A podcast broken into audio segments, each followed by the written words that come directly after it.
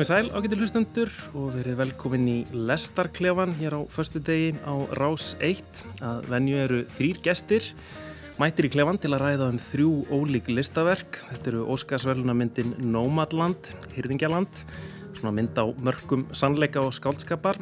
Það er eh, leikhús fárunleikans í nashyrningunum eftir UNESCO og litlar glansandi stittur í síningu auðar Lóu Guðnadóttur Já Nei í Hafnarhúsi Listasaps Reykjavíkur. Þetta er semst umræðafnin í dag og gestir mínir í hljóðveri númið 12 í efstaleiti eru Anna Stanicevic, doktorsnemi í menningarfræðum, Fritz Hendrik Bensen, myndlistamæður og Geir Sigursson, heimsbyggingur og prófessor í kínverskum fræðum við Háskóla Íslands. Verið velkomin öll þrjú. Takk fyrir. Takk. Við skulum byrja þáttinn í dag í Bíó kvikmyndin Nómadland, Hyrðingjaland, hún var valin besta kvikmyndin á Óskarsvæluna háttíðinni núna um síðustu helgi auk þess sem eh, leikstjórin, hinn kínueska Chloe Zhao, var önnur konan og, og svo fyrsta asíska til að hljóta verðlun fyrir bestu leikstjórn.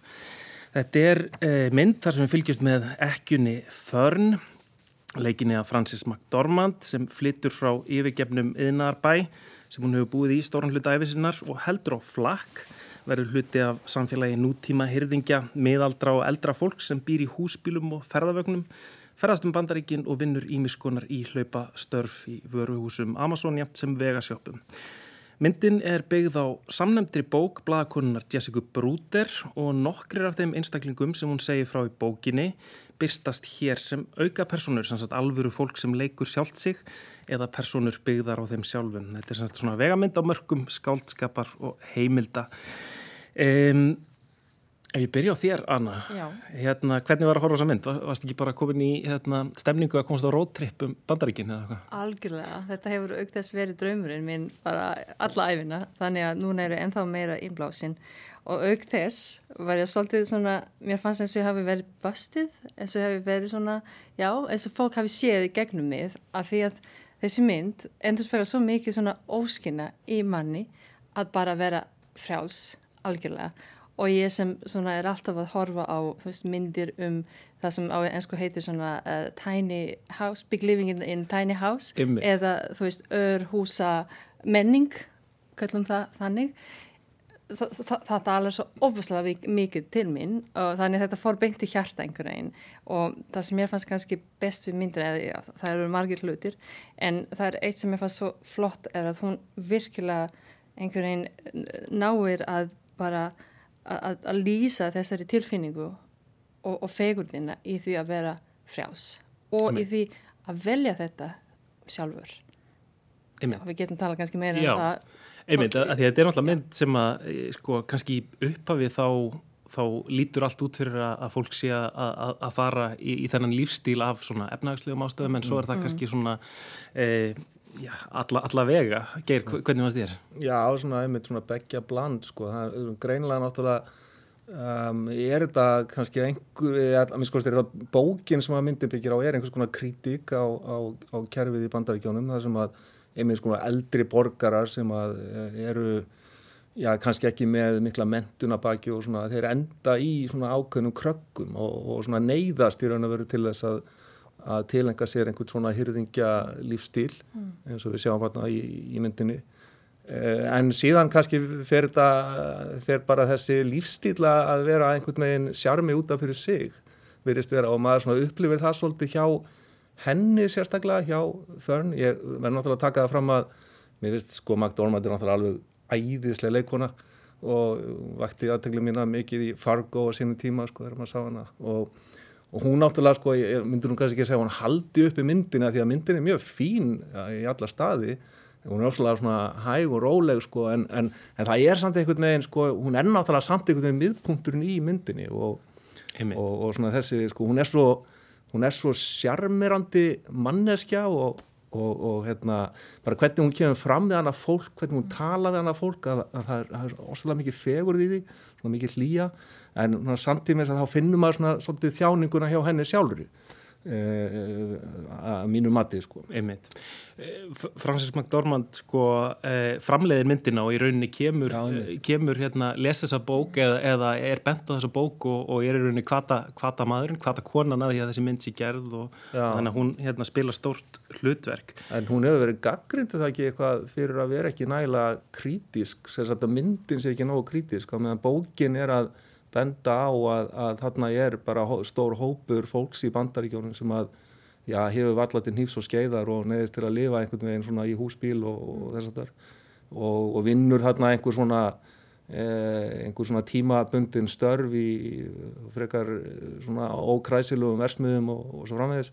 En, en, en myndin hefur verið gaggrind fyrir að, að kannski gera ekkert svo mikið úr því, svona þessu neikvæða en ég er ekkert viss um að það sé rétt. Ég, mér finnst sko einmitt að þegar maður sér þessa Amazon senu þetta er náttúrulega ekkit sjálfa hugulegu vinnustæður að sjá. En, en sko það er einmitt sko McDormand eða Fern hérna sko sem að einhvern veginn sko eh, bara hennar uh, svona viðmót gerir þessa senur einhvern veginn uh, svona sæmilegar að, að, hvernig hún kemur fram við annað fólk sko, hún, hún býr til einhvers konar hlýju í annars konar mjög svona köldum vistaverum Einmitt. Fritz, Já, mér finnst, mér finnst einmitt sko skrítið að gaggrina það akkurat að, að hún skildi ekki vera pó, nú pólitísk af því að mér finnst einmitt vera bara í, í myndinni og hennar leik bara vera svo mikil tilfinninganæmni í því að sína veist, hennar upplifun að því hún alltaf, hún í rauninni velur sér það ekki eða það er allavega eins og ég skildi það ekki algjörlega hennar val að, að gera þetta því að hún í rauninni missir húsnæðið sitt eftir að, að uh, bærin sem að hún bjó í uh, bara hverfur að því að, að helsta tekjulind bæ, bæjarins, þarna Empire uh, versmiðan fyrir á hausinn og, og þetta bara hættir að vera bær og hún bara neyðist til þess að, að bara róa önnu mið. Og mér varst hérna svo flott einmitt hvernig myndin einhvern veginn balansir að þetta tvent að maður öfundar hana á þessu frelsi Já. en vorkennir henni síðan á sama tíma að hún sé einhvern veginn að, að svona díla við þennan missi bæði að hafa mist mannin sinn og síðan heimili sitt og sitt samfélag.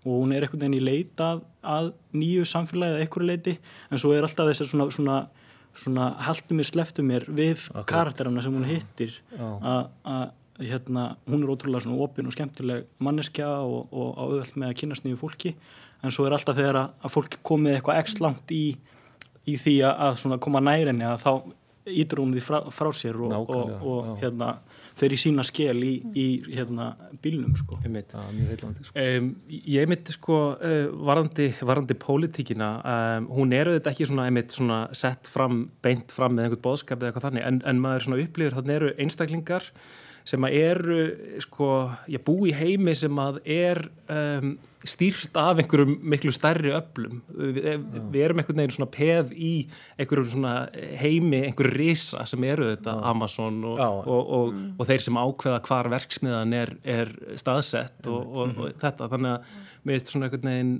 það er einhver pólitík en hún er ekki hún er einhvern veginn meira í umhverfinu heldur en í sögunni sjálfur. Já, þannig að þetta kannski sko, snýsta einhverju leiktu um það að, að sko, meðan við getum í raun og veru ekki brotist út úr þessum viðjum sem slíkum sem eru bara í raun og veru ómögulegt að þá getum við fundið eitthvað frelsi kannski innan þessara viðja eh, og, og það gerum við náttúrulega bara með okkar persónleika og, og með tengslum okkar við annað fólk og, og þess að það er eins og eins og henni tekst svo vel að, að gera það virðist vera eins og annað þú veist að segja sko bara svona öfundar hana fyrir þetta frelsi og þessa sko tilfinningu sem að hún tjáir einhvern veginn og náttúrulega þessar senur allt þetta náttúru kláma en náttúrulega alveg En það- ótrúlegt sko. það er einmitt það sem að einhvern veginn heldur manni alveg uppteknum. Alla þessar svona hægu mynd er einmitt bara svona mikro-expression hjá Já, henni í hennar leik, þú veist, að því að oft er hún ekki að segja eitthvað en maður veit bara nákvæmlega hvaða sko, tilfinningar hún er að upplifa.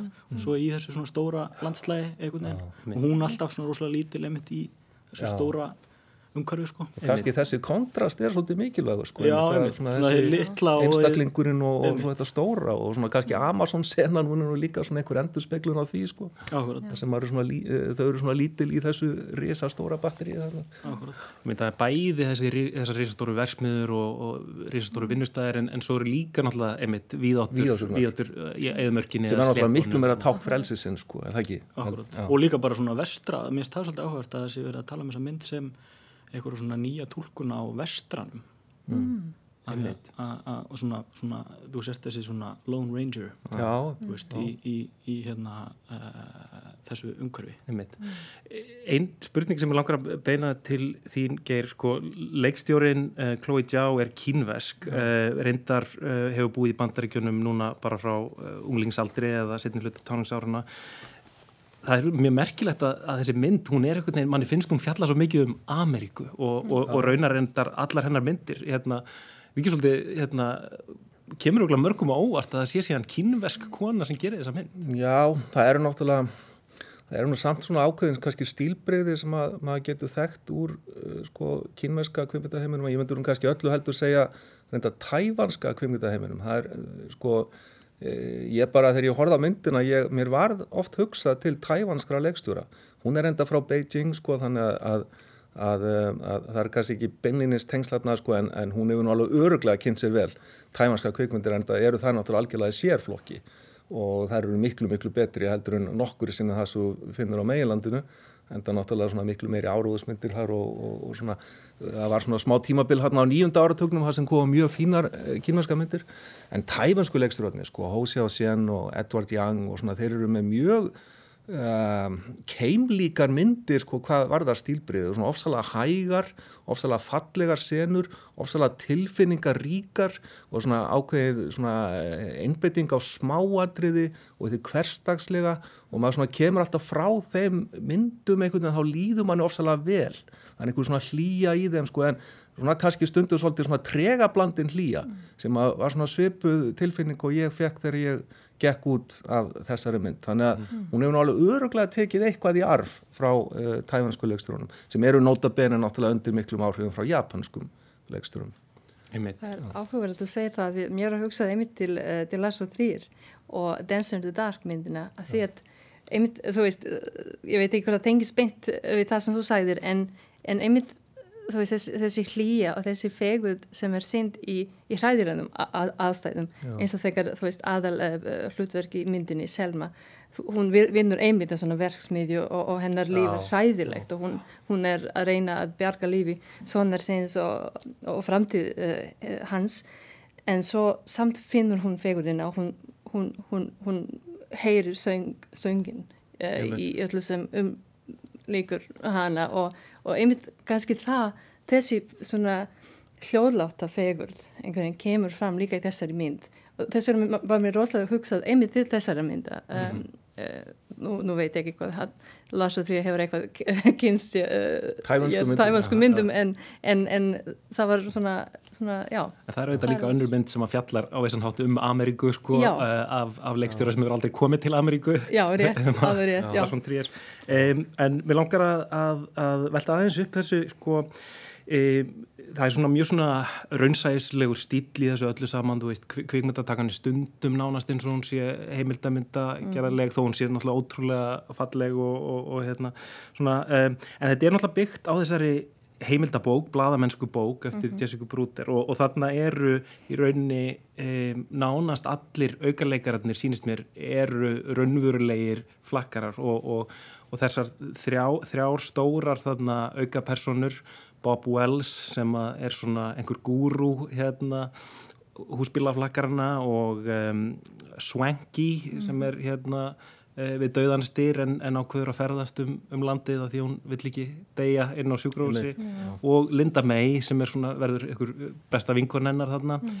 um, Þetta er, þannig að þetta er svona mörgum skáldskapar og, og, og heimilda, þetta er svolítið svona sérst, sérstakt mm. svæði, kannski svipað svæði og bókmettinnar hafa verið á kannski svona undanfæri ná svolítið mikið. Hvern, hvernig finnst ykkur þetta koma út, byrju bara þér hana? Já, bara, já, þetta er náttúrulega, ég vissi einhvern veginn áður en mér finnst alltaf best að lesa ekki um mikið um myndir þegar ég fer að, að horfa á þær, svo ég veit ég ekki um mikið, svo ég geti bara myndað mér einn svona hugsanir, þannig ég vissi ekki nákvæmlega, þú veist, hver, hverju mætti búast við, þannig ég vissi ekki að þetta voru raunverulega personur, en það voru karakterir sem þú linda með til dæmis þetta voru svo áhrifamiklir eh, personuleikar að ég trúiði varlega hvernig það var hægt að búa til mynd með svona personum, þú veist, hvar, hvar fekk maður svona leikara til að vera með? Þannig að það, á endanum þegar ég las þú veist svona uh, nöfnin þá, þá kom ég ljósi að þetta voru alvöru personur og það meikaði miklu meira sens fyrir mér.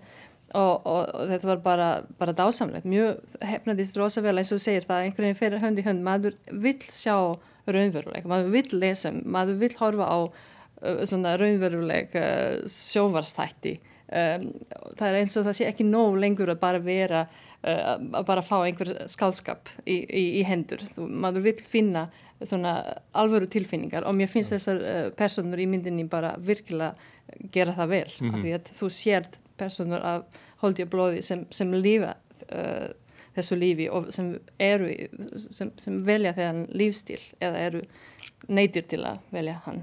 Um, Hvað segir þú þetta? Já, algjörlega, það er líka bara einhvern veginn uh, gerir það verkum að það er ekki eins og auðvelt að fyrir, eða þú veist, ég get ímynda mér að sem leikar að þá, ég vil hóttu sért einhver alveg ofur uh, reyndur í að fara einmitt í svona, hérna hvað heitir þetta uh, svona, uh, hérna method, method leik sko að mm -hmm. þá getur þú alveg sokkið þér úti en, en ég held að þú sért alltaf svolítið bundin við að, að falla í einhverjar svona klísju grifjur sem að náttúrulega er í rauninni ekki hægt þegar að þú ert með alvöru mannesku mm. þú veist, að það, að það verður einhver svona uh, annar leir sem, mm. a, sem að gerir held ég bara svo mikið fyrir karakterin, ég vil holda að sé ósagt en, en þú bara finnur það einhvern veginn mm. og mér, þetta myndir mér svolítið á hérna, Harmony Corín, á þess að ég viti það að hérna, hann sé að nota sko raunverulega manneskjur í sínu myndum en, en hann hefur ekki verið að fá, eða í sumum myndum er að, að hans svo í gummo og þá eru það ekki leikarar í rauninni.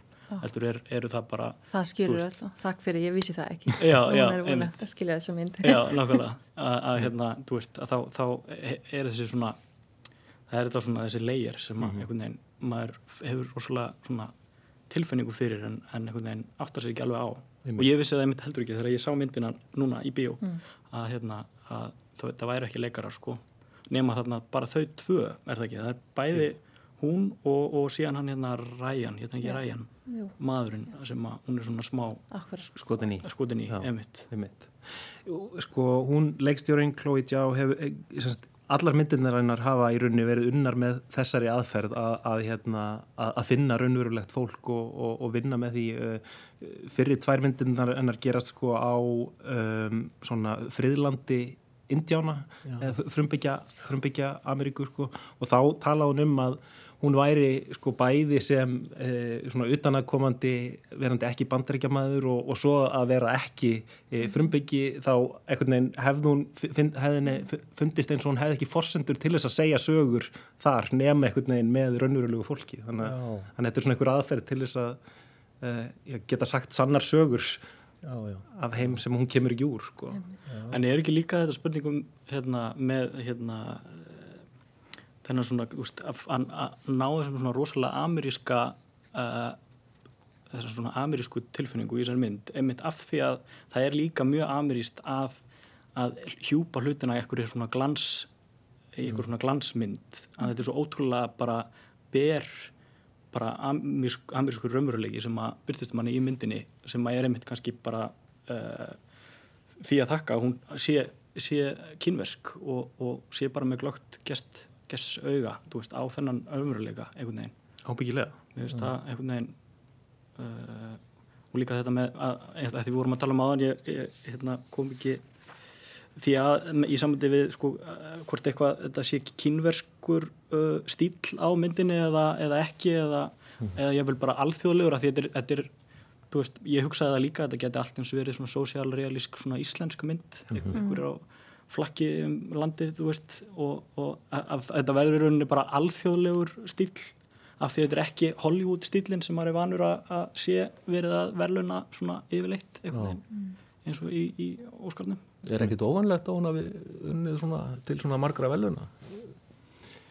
Jú, ég meina, ég hugsaði fyrir, Já, hún, er önnur, hún er önnur konan Já. til þess að vinna besti leikstjórin Já. og mér varst það einmitt svolítið áhugavert að hinn konan uh, hún var alveg stólið á mig nafna þannig hún vann fyrir myndina Hört Lokkar Já, Catherine Bigelow. Já, Já. einmitt. Og það er svona, svolítið svona ég veit ekki, kannski svolítið macho svona sko myndefni stríðsmynd.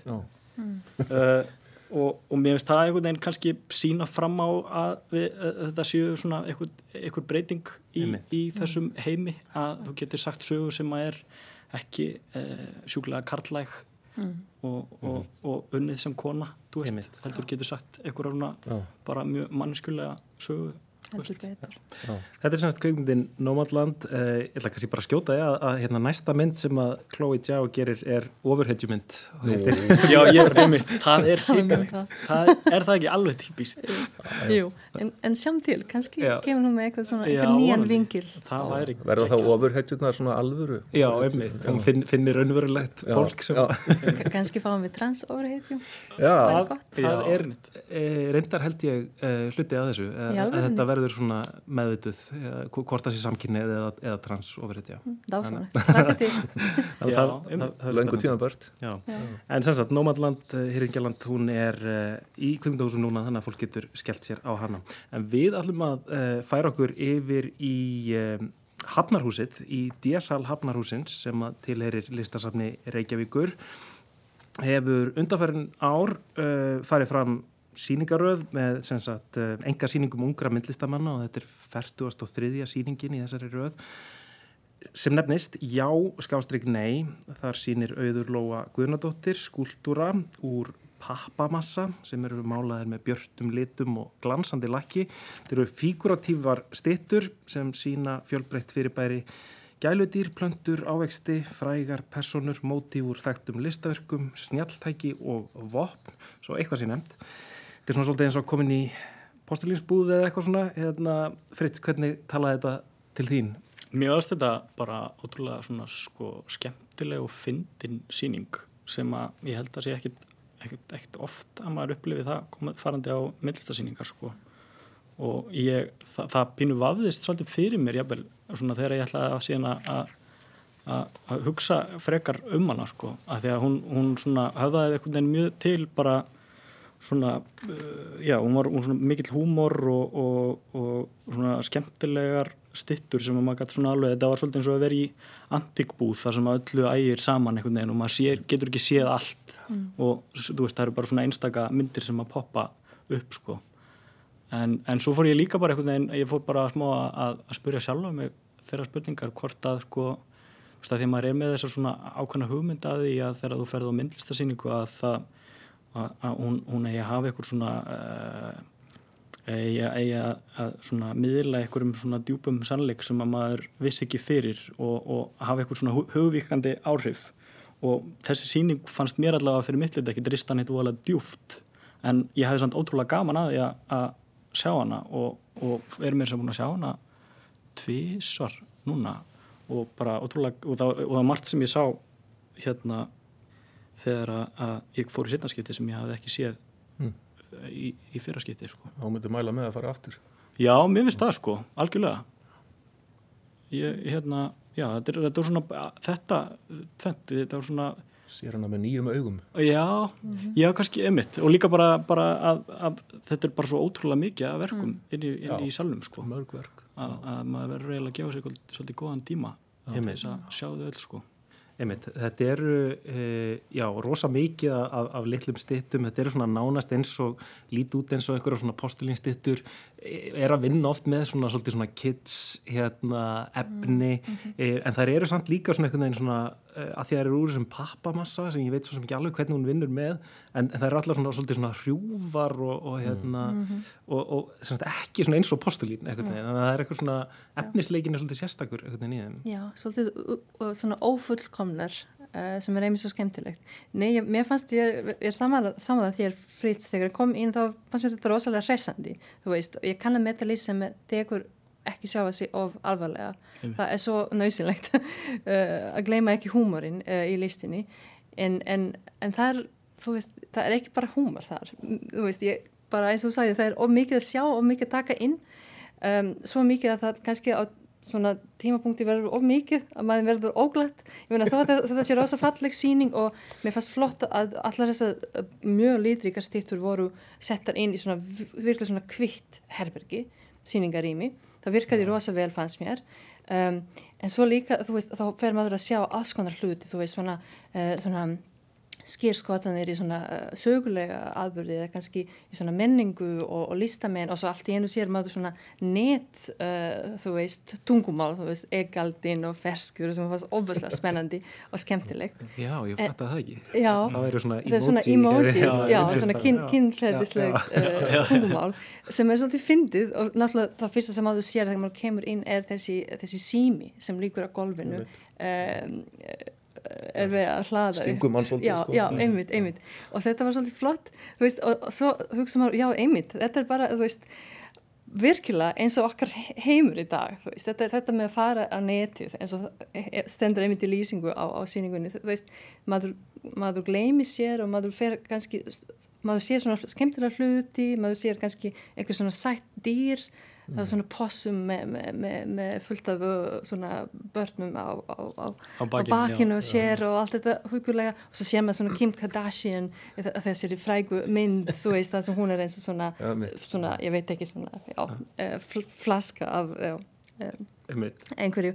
Og, og svo og svo einhvern veginn fyrir maður of, of langt einhvern veginn og þá, þá verður þetta alltof mikið, alltof sætt, alltof glansandi að maður þarf bara að fá að anda, maður, maður verður að fara út. Það er eins og þú, þú bara hættir, þú fer kannski lukkan tvö um nóttina að skoða eitthvað á netinu og þá séu bara bæði eitthvað skemmtilegt, eitthvað áhugaverð einhverja umræðu sem kannski vekur áhuga og hugsanir og svo séu eitthvað, eitthvað bara alveg asnalegt og, og eitthvað óviðeigandi kannski og alls konar og þá bara þessi ég veit ekki svona kakofóni að verður of mikil að þú verður bara út fara út. Þess vegna er þetta að fara aftur sko eins og Fritz einmitt, að taka þetta inn og kannski já. sjá aðra hluti. Þannig að mér fannst þetta mjög hressandi og það er náttúrulega mjög gott þegar þú veist, listin hefur áhrif á mann þú veist, á einhver hátt. Bara svona, jafnvel líkamlega það, er- það er náttúrulega mjög jákvægt Já, þannig að mér fannst það ofaslega svona, já, það er mjög skemmtilegt, já þetta listaverk sem er þarna á gólfinu sem að maður svona næstu því tekur ekki eftir, það er þessi snjálsými sem er eins og ein- einhver hafi bara sem er að skoða sýninguna hafi stungið honum í samband en svo er hann auðvitað gerður úr þessu sama efni og hinn verkin. Og það, það er kannski svona, kannski er mitt, þetta segir, maður er að fara að ganga inn í svona eitthvað, eitthvað portal þarna sko, inn í, inn í myndum eitthvað hlið sem er kannski þetta internet hlið og, og þarna kemur allt þetta offlæði af alls konar hálámenningu öllu hinn og þessu saman veginn. Geir, hvernig varst þér?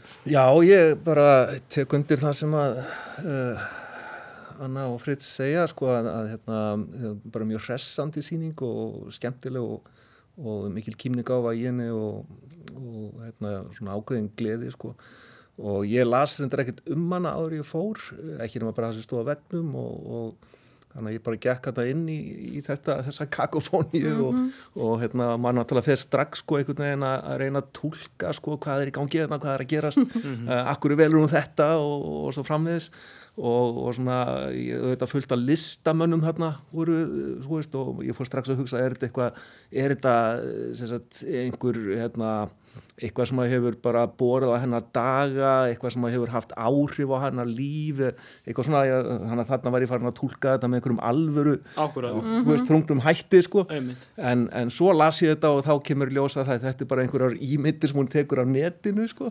þannig að sem er náttúrulega svo ótrúlega áhugavert að segja náttúrulega mjög mikið kannski um okkar líf í dag að, að, að við erum bara undir svo miklum áhrifum af öllu þessu dóti sko sem að kemur til okkar að netinu og stundum bara getum við ekki rönd við reist einu sinni, það bara kemur á þess að við getum varið okkur og, og hefur kannski einhver áhrif á einhver, einhver hugrif sko sem að sem að hérna, greipast í okkur og, og þar kannski að ná út einhvern veginn með þessum hætti með því að búa til þessar stittur svona, til þess að kannski frelsa sig undan þessum ímyndum eins og þarna af, af henni Kim Kardashian ég, Já. ég, ma- maður vill ekki sjá þetta sko, þú veist, þannig að og ég maður þarf að losna við þetta einhvern veginn sko. já, og, Svo, og, svo, og svo kannski líka efnið sjálf, bara að Já. þetta er pappamassi, þetta er eitthvað Já. svona stutt lífa, þetta er eitthvað, eitthvað ódýrt, eitthvað létt, þú veist, ég ímyndi mér þetta, þetta sé rosa létt þegar þú tekur þessi stittu í höndur, það er einhvern veginn kannski líka endur speklar einmitt alla þessa, all, þessi áhrif, allt þetta sem er að gerast, þú veist,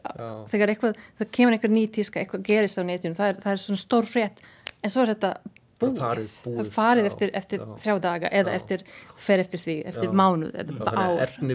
veist, þetta er sko. Þetta er ekki svona varanlegt. skyndi býta Mm. einhverjum menning eða, já, Ég held líka að þetta sé rosa mikið sko og sem að ég bæði við um sýninguna og líka bara netið mér finnst Mm. einhvern veginn, nostalgía er eitthvað svona við erum mjög, ég held að við séum mjög viðkvæm fyrir nostalgíu, þú veist að það er svona pínu hérna uh, svona næra brjótast í gegnum smá svona hérna krítiskan vegg hjá fólki sko, þú veist að það er eitthvað við það að sjá eitthvað svona, svona sem að maður þekkir gamalt sko. Og jafnvel í úr eitthvað, eitthvað sögulegt sem að maður uppleði ekki sjálfur einu sinni, þú veist að það er bara eitthvað við eitthvað.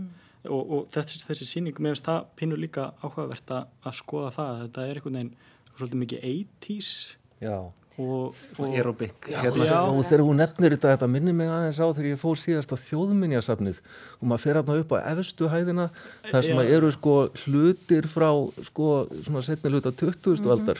Já, Þú veist, svona, á og- og- svona lest, er það ekki? Jú, ég meina, og alls konar hlutir bara símar og eitthvað svona sko og ég, svona, ég hugsaði, ég horfði á þetta þegar ég kom að það í fyrsta skiptu og sá þetta. ég er komin á þjóðminjasafnið. Já, já, þetta er stórkvæslegt akkurat. og einhvern veginn, já, það er svona mikið af hlutum þarna sko sem að eru einmitt svona 80s og þú veist, ég man bara eftir síðan ég var ungur sko og hérna og svona bara eru fyrir mér mjög ljóslífandi sko úr, úr, úr svona mínu en, ungdæmi en hún fætt 93 Já, Já, nei, já. nákvæmlega, þetta er ekki, ekki hennar í rauninni saga, sko, Já. þannig. Rétt. En svo finnst mér líka einhvern veginn áhugavert og, og það, það er kannski sem maður gerir þegar maður fer á myndlistinningur, maður fer að leita að einhverju samhengi og þetta eru all hlutir sem að höfða til hennar eða henni finnst áhugaverðir að færa í þetta form og mér finnst það einhvern veginn, þetta samband stundum alveg áhugavert, sko, og kannski pínu problematist líka að, að eins og uh, þessi svona kaltæðinni royalismi að vera með, þú veist, Díana, mm. Díanu prinsessu og, og, og einhvern veginn uh, uh, öðru an, annað í, í þeim dúr og svo þessar svona persónulegu uh, stittur sem voru frá Malawi að því að hún bjóð þar þegar hún var lítill. Já, og það er bresk nýlenda. Einmitt. og mér finnst það einhvern veginn þetta samband ekki það að, og ég veit það alveg að það er ekki, ekki sett upp í samengi við hvort annað held ég. En, en mér finnst það spínu áhugavert líka að það verður til einhvern veginn þegar maður fyrir að leita að einhverjum, einhverjum, sko, einhverjum samengi Já. En þá er fyrir ljóst að þetta kemur ekki allt frá internetinu heldur er líka tekið einhver leiti úr hennar persónlegu reynslu. Já, ég held að þetta sé einmitt bara allt eitthvað sem, a, sem að hún svona uh, hefur áhuga á sko. Hefur upplifað með einum öðrum hætti. Já, já, í rauninni.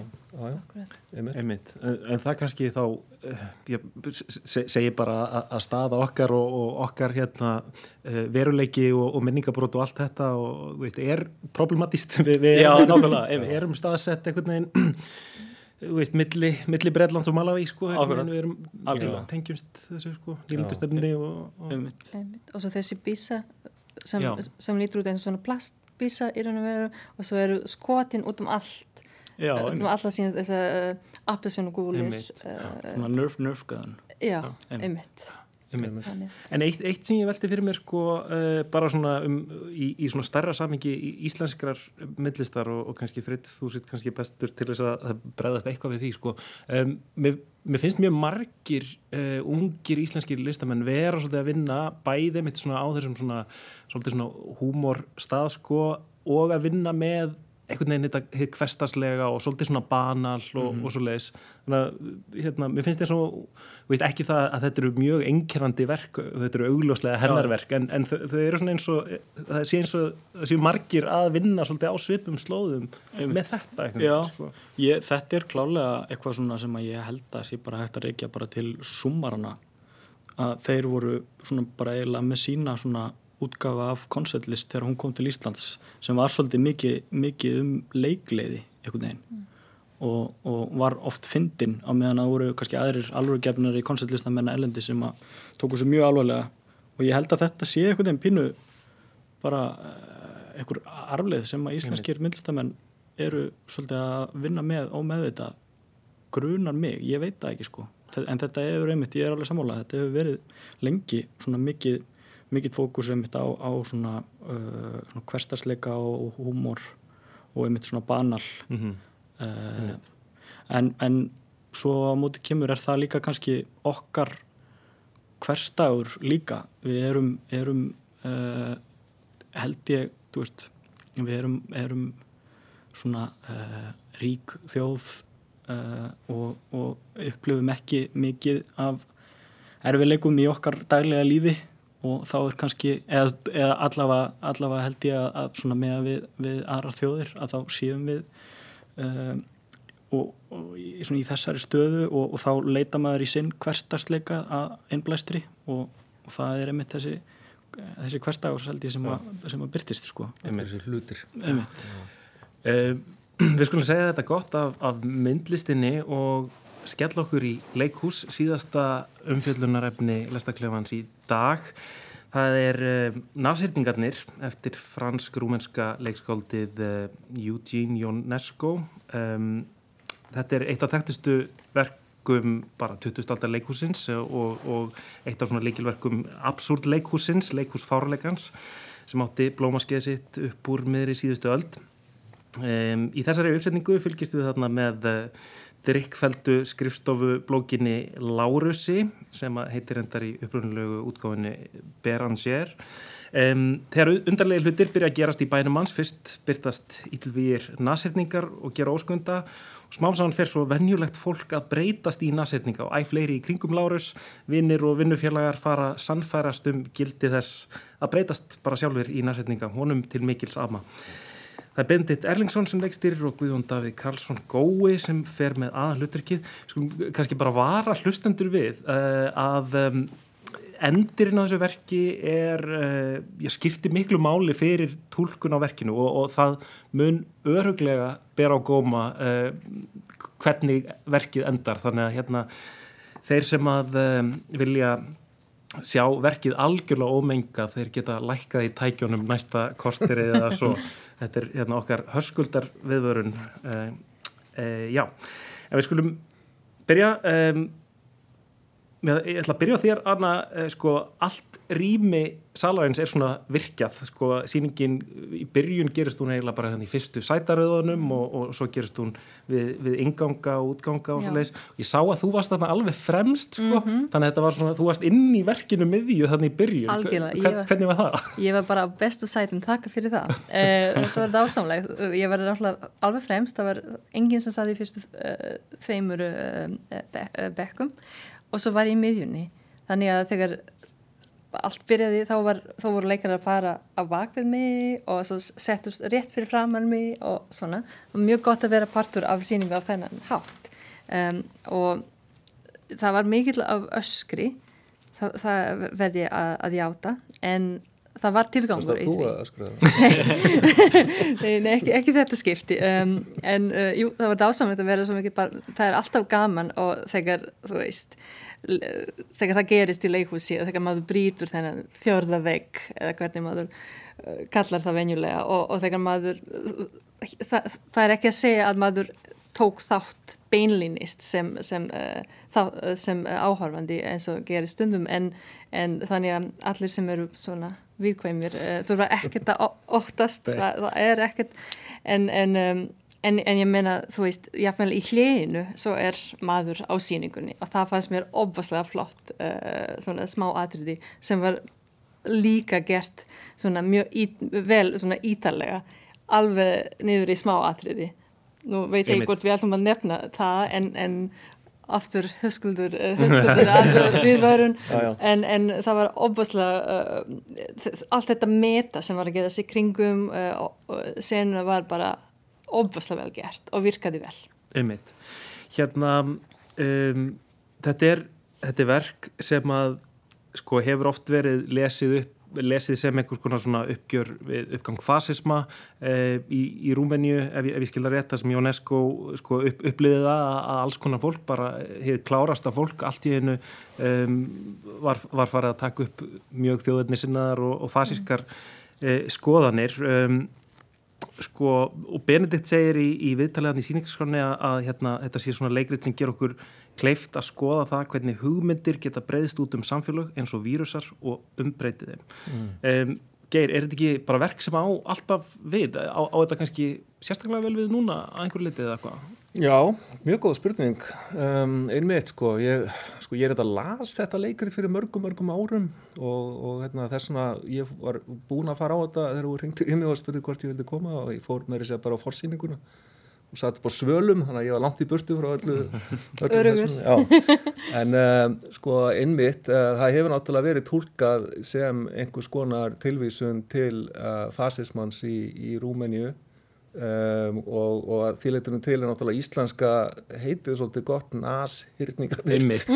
Þú veist, það er svona alltaf að tala um að einhver væri að verða nas-hyrningur og já. maður hefði geta heilt Einmitt. eitthvað annað í senni hlutanum hann. Já, Já, akkurat. svona setur tónin sko. en, en svo eh, sko, eh, er það náttúrulega samt uh, þetta er svona mjög margbróti leikrit og, og maður svona velti fyrir sér sko, sko til dæmis já, ef þetta er bara spurningu það að, að allir taki upp fasismann Uh, af hverju eru þeir þá nashyrningar? Ég meina nashyrningar er ekki beinlýnins eitthvað einhver dýr sem maður sko hérna uh, svona eins og beljur eða, eða, eða, eða kindur sko sem að maður hérna setur bara í einhvern hóp og, og, og svona, veist, það er svolítið óvennlegt að það eru nashyrninga í, í því samengi, menn nashyrningar er meira svona einhver dýr sem að bara gera það sem þau vilja uh, frekar heldur en að séu svona einhver hóp, eitthvað hópeðli hjá þeim, þannig að það er, það er óvennlegt en uh, þannig að sko svona að minnskosti þessi uh, þáttur sko hann, hann svona aðeins kannski trublar þessa tólkun finnst mér en, en vissulega sko þá hlýtur þetta snúast að einhverju leiti um ymmit það sem að Benedikt segir uh, hvernig við neyjumst til að taka bara upp hugmyndir annara og smitast af þeim og og, og hérna, þetta er svona svolítið conformity sko, hugmynd sko, að, að gerum eh, við náttúrulega segjum á Íslandi sko, það er ein kýr mýgur þá mýga allar, mýga hina sko, en, en, en það, eh, það, þetta er eitthvað, eitthvað í þeim dúr sko, að því að við sjáum náttúrulega að þessir aðilar í leikritinu smá saman jafnvel þeir sem að eru, hvað var kallaði bessi eða, Já. eða ekki Já. Já, sem, að, sem að vill náttúrulega ekkit kannast við neitt að byrja með og, og svo er hann á endanum sjálfur orðin orðin aðsýtningu sko, þannig að jafnvel ólíklegustu aðilar sko, eru farnir út að gósi Búin að taka selfie. og- búin að taka selfie sko, já, eru komnir á Facebook og, og svo framvegið sko. þannig að, að hérna, þetta er kannski bara uh, líka einhvers konar huglegging bara um mannlegt eðli, hvað, hvað við erum náttúrulega í raun og veru hjarðverur á einhvern hátt og við kannski komist ekki tjá því, Menna, það er einhver spenna þarna á milli já, eh, sjálfstæðis eða svona einstaklingshyggju og, og, og svona hóp eðlis og mér finnst í raun og veru ekkit vera almennilega leist úr þeirri spennu. Eh, ekki einu svona í þessum enda eh, sem að við sjáum hérna í þjóðleikúsinu um, þetta er held ég bara eitthvað sem að við þurfum að eh, sko við, við þurfum að hugleiða mjög, mjög stert sko, ég meina hvar, hvar stöndum við? Eða viljum við vera sjálfstæði en þá erum við kannski svolítið einn eða viljum við vera með hinnum og þá kannski eigum við það til að taka upp hugmyndir sem að eru samt ekki báðlegar þannig að, þannig að þetta er svona kannski einhvers konar óður bara til gaggrínar hugsunar. Ha, að, að við þurfum að vega og meta hlutina svolítið meira heldur en að, að, að sko, skilgjur hann okkur fyrirfram hvar við ætlum að standa. Einmitt. Svo er þetta líka náttúrulega held ég svolítið mikið uh, bara spurningum hver, hver, sko ef þetta er baráttan svolítið eins og vill svolítið vera í einhverju svona tvíhyggju og þetta sé baráttan millir góðs og íls þú veist að þe- þetta við erum í þessu liði og þau eru í hinu liðinu að það finnur alltaf eftir í hvort megin við borðið þú situr.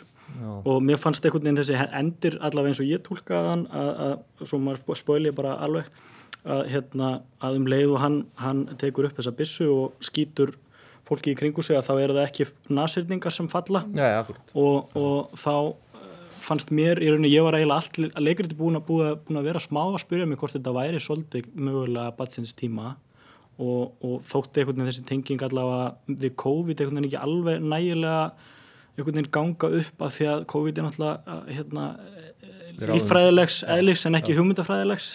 Og það var mjög skemmtilegt samt hvernig það var unni með það í, í hérna, hlénu og svona þegar maður var smala á klósitið en hérna uh, uh, já, mér var, mér var svolítið gaman að þetta hvað, hvað gerðist bara eiginlega ákvörðat á loka mínútonum á síningunni að maður gætt í rauninni ímynda sér að þetta var að leikritið að hafa fjallað um einhvern að sko verða uh, öfgamaður, einhver, einhver sem verður veist að, hérna að það er ekki, það er ekki að, og hann er líka í leikaritinu er hann að glíma við einhver veikindi og er með óráði og það er fólk að heimsækja hann.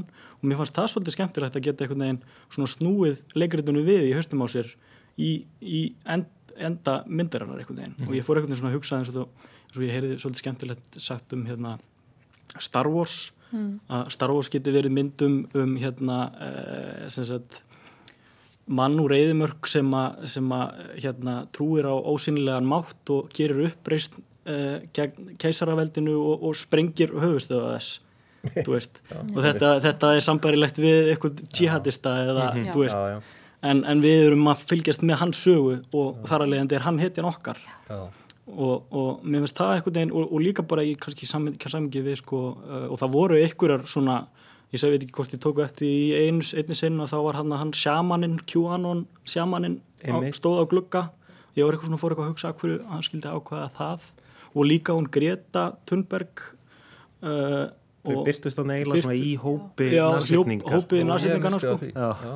og, og þá fannst mér svolítið einhvern veginn fekk að mitt þess að hugsa um með mitt þess að svona uh, öfgamennsku í gegnum internetið sem að við erum að sjá núna að, að bara fólk, hvernig fólk getur orðið í rauninni að öfgamanniskum út frá bara sinni uh, hérna búblu á netinu þú veist, hvernig, og hvernig það gerðist þarna með þessa, þessa hérna uh, árás á, á hérna á, á hérna þingúsið í, í bandaríkjanum Einmitt. Já, ég hugsaði einmitt sko með, ég tók einmitt eftir þessu að, að, að í hópi nasýtningarna voru Greta Thunberg og, og svo þessi QAnon sjaman uh, sem, a, sem að var heimsfrægur í þessari árásu þinghúsi í bandaríkjunum. En ég hugsaði sko þau eru bæði einhvern veginn svona, þau eru nasýtningar í augum hinna eða andstæðinga þeirra. Ákvæmlega, sko, ákvæmlega, hérna. að þetta er alltaf einhvern veginn einmitt, hvor megin við borðið þú situr sko. Og endurinn gefur náttúrulega til kynna að þetta sé einhver litur huglægt ekki satt, þetta er ekki raunverulega nasetninga þannig að þetta eru nasetninga til sem við sjáum Um. eh, komum auga á eða teljum okkur koma auga á Nákvæmlega. já, já, Um, ég, ég hef séð þetta verk einu svona áður og það var í, í London og ég man sko uh, man að þá um, tók ég rosalega mikið eftir sko samtölunum sjálfum og hver, hversu sko hversu absúrt þau væru í rauninni Já. sko, ég menna þetta er atbyrðarásinn absúrt en, en samtölinn sjálf sem eru svona einhvern veginn endurtekningar á einhverjum Já. klísjum og Stórkostlegt. al, hérna, um, mér fannst ég ekki finna jafn stert fyrir því í þessari uppfæslu nema kannski í, í fyrsta atrið Ég held að það hafi verið stitta einhverju leiti eða ekki, að, minni er að þegar ég lasi þetta þá hafi það verið miklu lengra. Uh, sérstaklega að rökfræðingurinn kemur hérna fram og þau náttúrulega fara að tala um hvort það hafi verið eitt hotn eða tvö hotn Já. sko, sem er, Um, veist, svona, skiptir algjörlega engum nei, í þessu samingi sem er náttúrulega endur spekla svona stundum umræðina í samfélaginu þegar að, sko, að vera að tala um einhver málefni en það er bara verið að einhver orðhengilsháttur og, og, og, og svona bara verið að tala um einhverja þætti eða einhverja svona hlýðar málsins sem að skipta í raun og veru yngu máli Ákvæmlega. og hengja sig í það, þetta bara þekki maður mjög vel sko. Þessi, þessi sena eina var Já. þess virði að fara að sjá, Já, sjá það var mjög flott en mér minnir hún að hafa verið miklu lengri sko. ég, ég ætla nú ekki alveg að staðhafa það en, Ég heyrði það að þetta hefði verið svolítið stitt sko Já, það, og, ok og manni grunar að, að það sé svolítið líka bara til þess að aðlaða þetta tímanum sko. Að Já, þetta væri kannski eitthvað sem að, sem að uh, virkaði ekki eins vel. Og það er kannski eitt sem að fór líka uh, eða svona ég, ég var uh, að hugsa á síningunni einmitt með hávaðan sko að mér varst á, á köplum eins og dýnamíkin væri ekki alveg nógu góð einhvern veginn í le leiknum að, að það var eitthvað sem að fór upp á háasíðu og það voru allir á háasíðinu og þá einhvern veginn var þetta bara eitthvað svona monotónisku og einhvern veginn ákafinn skilaði sér ekki eins vel einhvern veginn ég veit ekki, upplifðu þið það einhvern veginn, að maður ég- var svona ég svolítið svona sammála því. daufur daufur fyrir einhvern veginn uh, raugræðanum einhvern veginn. Já, já, að kannski þetta- vegna þess að það verið klift eitthvað úr þeim og, og, og svona náði ekki alveg að Mm, Já, já, það er þetta kannski, ég, ég fór kannski svolítið úr einu í annað, að, að það kannski óskilt sko, bara meira einhvern veginn spurningum svona sýninguna, þú veist, leikinn og, og, og leikstjórnina sko. þessi, þessi öskur þarna. Já, Það einmitt. of mikið að gera samtímis Já, já, einmitt. Já, sérstaklega maður setur á fyrsta bekk sérstaklega maður er fremst já. Hérna, við erum alveg að brenna inn á tíma. Uh, mér varst eitt svolítið aðteglisvert Benedikt, sko, hann talaði um að hann væri svolítið að, að skoða, sko dýrsleika mannsins og, og þá staðrind að maðurinn sé líka dýr. Um, og, og þá fór ég, fór ég að hugsa, sko Lárus, þessi aðalpersona, hann hérna hann, hann er sá sem einhvern veginn vill ekki verða dýr eins og hinnir og, og hérna einhvern veginn halda í það að maðurinn sé æðri og öðruvísi heldur en hinn dýrin. Og svo þessi endir, er einhvern veginn allt í hennu endir þar sem að um, já, hann, hann, hann ræðist gegn hann óvinnum sínum og, og, og hérna. Ég, ég velti fyrir mig hvort þetta væri svona einhver svona náttúru dýravendunar uh, lestur á þessu, á þessu verki sko. Það gæti verið náttúrulega alltaf lesið í þessu samhengi, sérstaklega núna í dag ef maður er að horfa leiksýningu á 21. öld og náttúrulega Greta Thunberg var það líka og þessi hugmyndu, þú veist, á mannöldinni að við erum, við verðum að skilja að við erum líka dýr og að við erum partur af stóra samhenginu þannig að, jújú, jú, auðvitað gæti maður lesið það þannig en, um, en ég veit ekki hvort ég þá er hann dýra óvinnur já, já, einmitt. En hann náttúrulega er hann ja, mætti hugsan sko, sem svona absúrt karakter sko, sem að, um að eitthvað svona kannski bara svipað og aðalsöguhetjuna í útlendingnum eftir, eftir Camus sko, sem að Eh, sem að uh, lítur svo á að það, það sé bara einhvern veginn all leifilegt og, og drefur mann fyrir vikið og, og ég held að Camus hafi verið að benda á sko að þetta bara gengur ekki upp mm. kannski, kannski er UNESCO að, ben, að benda á eitthvað svipa, það gengur ekki upp að vera Lárus reynilega Já, endurinn Við þurfum að verða nasýtninga líka. Virkilega óveikjandi, síðustu tvær sekundur ég meina breytu öllum Þetta er eins og Fritt segir, sko, það er þetta að snúa þessu á, á báða kanta Og kannski líka kennur okkur það svolítið bara hvað það er líka bara mikilvægt að hlusta á hvort annað, eða mér finnst það líka mm. í þessum háaðarsömu raugræðum það engjendist svolítið að því að Mjög það var enginn að hlusta á, á þú veist, það voru allir bara að, svona, að hjakkast. Já. og svo var, var fólk bara, gæti fólk bara verið á einmitt sammála um, um síðan í lokinni eitthvað mjög spesifík hluti sem skiptingu máli og, og, hérna, eins og alþingi sko. og, já, og líka það að skilja ekki tungumál nasýrningarna og svo, að einn persóna gæti kannski heirt söngin og hinn heirt bara Já, eitthvað svona dýra hljóð. Við þurfum að fá kortir í viðbútt. Já, já. Það verður að vera bara uh, einhver staðar annar staðar en hér. Það er ekki meiri tíma. Um, Lestakleifanum er lokið í dag. Ég takka gestur mínum kærlega fyrir Anna Stanitsevits, Fritz Hendrik og Geirs Hugusson. Um, við bara þökkum kærlega fyrir okkur. Takk fyrir mig. Takk fyrir mig.